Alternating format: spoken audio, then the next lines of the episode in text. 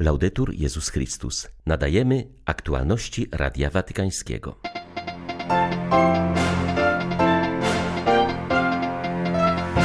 Papież Franciszek zaapelował o zawieszenie broni i pokój na Ukrainie. Zachęcił też do modlitwy za polskich księży i siostry zakonne, którzy pozostali w tym kraju, niosąc wsparcie humanitarne i nadzieję. Ojciec Święty spotkał się z dyrektorem ukraińskiej Caritas. Otrzymał od niego krzyż wykonany z odłamków szkła z powybijanych w czasie ostrzałów okien. Mimo trudności Bóg pokazał, że jest z nami, mówi siostra Renata Jurczak, kierująca domem samotnej matki w Charkowie. Orionistka prosi o wsparcie dla dzieci, na których boleśnie odbija się stres wojny. 22 lutego witają Państwa ksiądz Tomasz Matyka i Beata Zajączkowska. Zapraszamy na serwis informacyjny. Ojciec Święty zaapelował o zawieszenie broni i podjęcie konkretnych działań na rzecz zakończenia wojny na Ukrainie.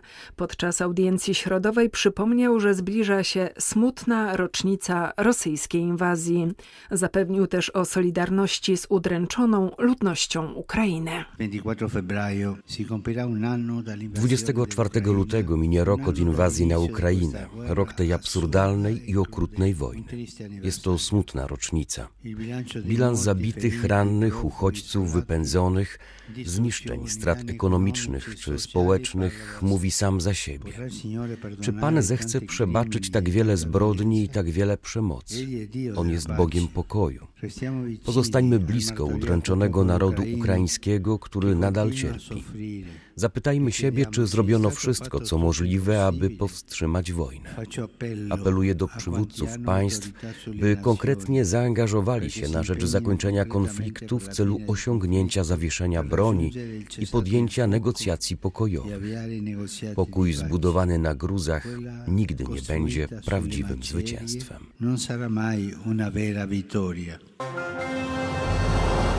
Usiłowałem przekazać papieżowi historię ludzi, coś co my sami, pracownicy Caritas, będący też ofiarami wojny, przeżywamy w naszych sercach, w naszym doświadczeniu te wszystkie okropności, podkreślał ksiądz Władysław Gryniewicz po spotkaniu z Ojcem Świętym. Franciszek przyjął dyrektora ukraińskiej Caritas Spes na prywatnej audiencji. Otrzymał od palotyńskiego kapłana krzyż zrobiony z odłamków szkła z wybitych w wyniku rosyjskich ostrzałów okien. Ten podarunek reprezentuje tak naprawdę wnętrze serca ludzkiego, serca każdego Ukraińca, które leży w ruinach, mówił ksiądz Gryniewicz. Zostawiłem też papieżowi tekst Drogi Krzyżowej przygotowanej przez pracowników Caritas Spes Ukraina. Powiedziałem, Ojcze Święty, bardzo Cię proszę, żebyś to przeczytał. Jeśli tak zrobisz, stanie się to modlitwą za nas, za wszystko, co robimy. On odrzekł, będę się modlił, obiecuję, że tam koniecznie zajrzę. Był bardzo wzruszony, powtarzał kilkakrotnie, o co chciałbyś mnie prosić. Powiedziałem, chciałbym Cię prosić, abyś nas odwiedził, ponieważ pragniemy, żebyś był naszym pasterzem, żebyś zobaczył, z czym się mierzymy, jak żyjemy, co oglądamy, co dźwigamy, czego doświadczamy.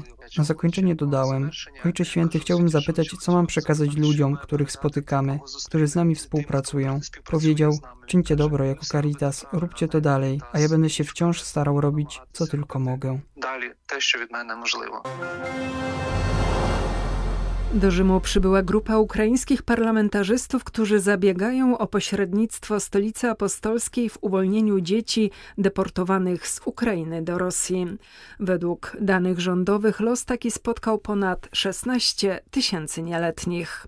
Wiele z nich zostało oddanych rosyjskim rodzinom do adopcji, inne trafiły do specjalnych obozów na Krymie i w głębi Rosji, gdzie są poddawane reedukacji. Wczoraj przedstawiciele ukraińskiego parlamentu zostali przyjęci przyjęci w Watykanie przez sekretarza stanu kardynała Pietro Parolina oraz szefa papieskiej dyplomacji arcybiskupa Paula Gallaghera. Wieczorem natomiast spotkali się z dziennikarzami w ukraińskiej ambasadzie. Jak przyznali, bardzo liczą na pomoc stolicy apostolskiej, ponieważ pośrednictwo watykańskiej dyplomacji okazało się już skuteczne przy wymianie więźniów. Jak ujawnił ostatnio ukraiński prezydent, do 4 lutego powróciło z rosyjskiej niewoli 1762 Ukraińców. Ukraińscy parlamentarzyści zaznaczają, że Rosja nie liczy się z prawem i międzynarodowymi umowami, dlatego nie można się na to powoływać przy wymianie więźniów czy ewentualnej repatriacji ukraińskich dzieci. W takiej sytuacji skuteczna jest jedynie interwencja wpływowych przywódców czy międzynarodowych organizacji, takich jak papież i Watykan. Jesteśmy przekonani, że apel Ojca Świętego w sprawie deportowanych dzieci mógłby pomóc w ich powrocie do domu. Dla nas liczy się każdy dzień. Odkładanie decyzji i działań oznacza wzrost liczby ofiar, powiedział Sergi Labaziuk. Dziękujemy, że świat o nas pamięta i włącza się w modlitwę o pokój na Ukrainie. Wskazuje na to przewodniczący łacińskiego episkopatu tego kraju, przypominając, że właśnie rozpoczyna się już drugi wojenny Wielki Post. Jak zapowiada arcybiskup Mieczysław Mokrzycki, szczególna modlitwa o zakończenie wojny odbędzie się w piątek w Narodowym Sanktuarium Matki Bożej Szkapleżnej w Berdyczowie. Ukraiński episkopat zachęcił wiernych do podjęcia ścisłego postu nie tylko w środę popielcową i w rocznicę inwazji na Ukrainę, ale we wszystkie środy i piątki całego Wielkiego Postu.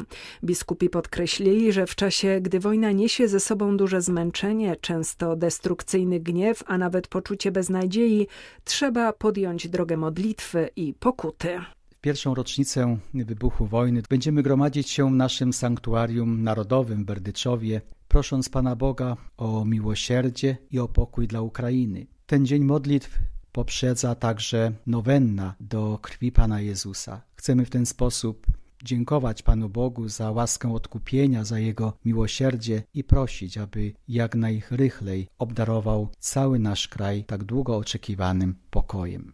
Ojciec Święty zapewnił nas, że będzie łączył się z nami i my wierzymy, że cały Kościół powszechny jest z nami i będzie dalej nas wspierał swoją modlitwą i swoim umartwieniem.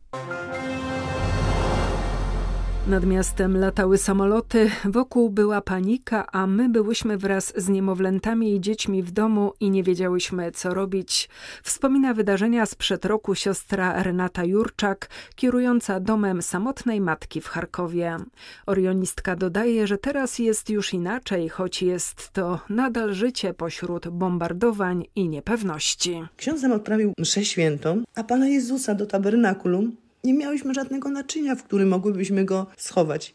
Przyniosłyśmy z przedszkola taką malutką miseczkę czerwoną, której dzieci jadły. Pan Bóg nam pokazał, ja jestem z wami, siedzicie w piwnicy, w wilgoci, w pleśni, a ja z wami w czerwonej, maleńkiej miseczce, nie złotym kielichu. Trudno powiedzieć, że człowiek przyzwyczaja się do czegoś, ale na pewno zupełnie inaczej w tej chwili przeżywamy to, co się dzieje. Nie ma już paniki, nie ma takiego chaosu. Nauczyliśmy się troszeczkę żyć w tym, co się dzieje, w tym, co jest, tej realności, która jest.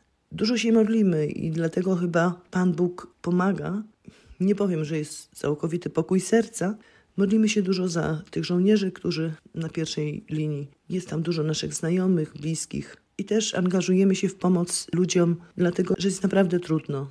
W Charkowie wciąż nie jest bezpiecznie. Przed kilkoma dniami rakieta uderzyła kilkaset metrów od ich domu.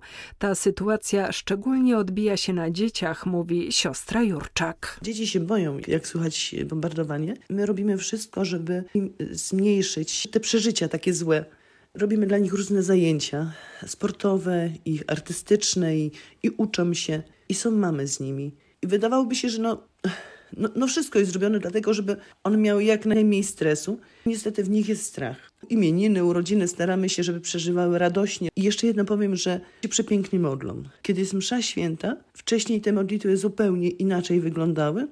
Modliły się, żeby Pan Bóg im podarował auto, albo żeby mama coś tam kupiła. Takie właśnie dziecięce modlitwy były. W tej chwili te modlitwy wyglądają zupełnie inaczej. One się modlą o to, żeby bomba nie spadła, żeby domu nie rozwaliło.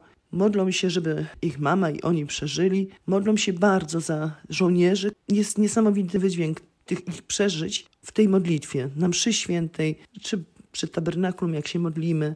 Więc one, one to wszystko bardzo mocno przeżywają i to jest bardzo głęboko w nich i wychodzi właśnie w tych modlitwach, w rysunkach.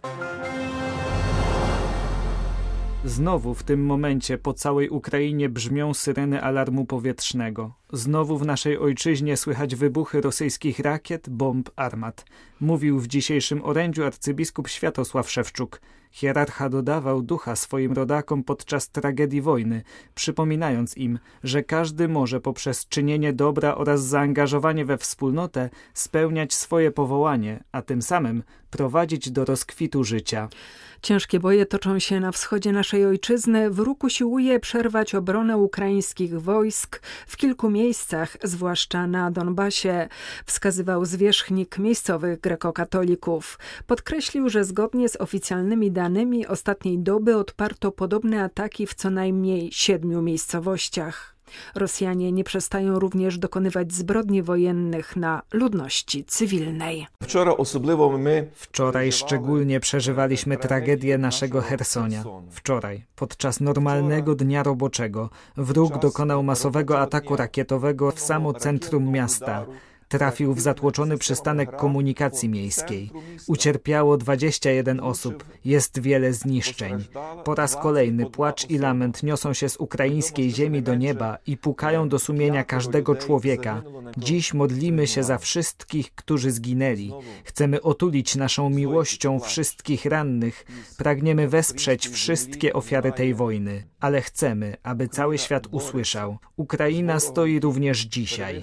Ukraina walczy z wrogiem, który przewyższa nas pod względem liczebności oraz intensywności użycia broni. Ukraina modli się i dziś staje przed obliczem Boga jako wielka wspólnota Kościoła. Modlimy się za naszą ojczyznę. Молимося за свою батьківщину. Na progu Wielkiego Postu Ojciec Święty zachęcił Polaków do objęcia szczególną troską misjonarzy. W czasie audiencji środowej pobłogosławił prowadzonej już po raz dziesiąty akcji Misjonarz na Post.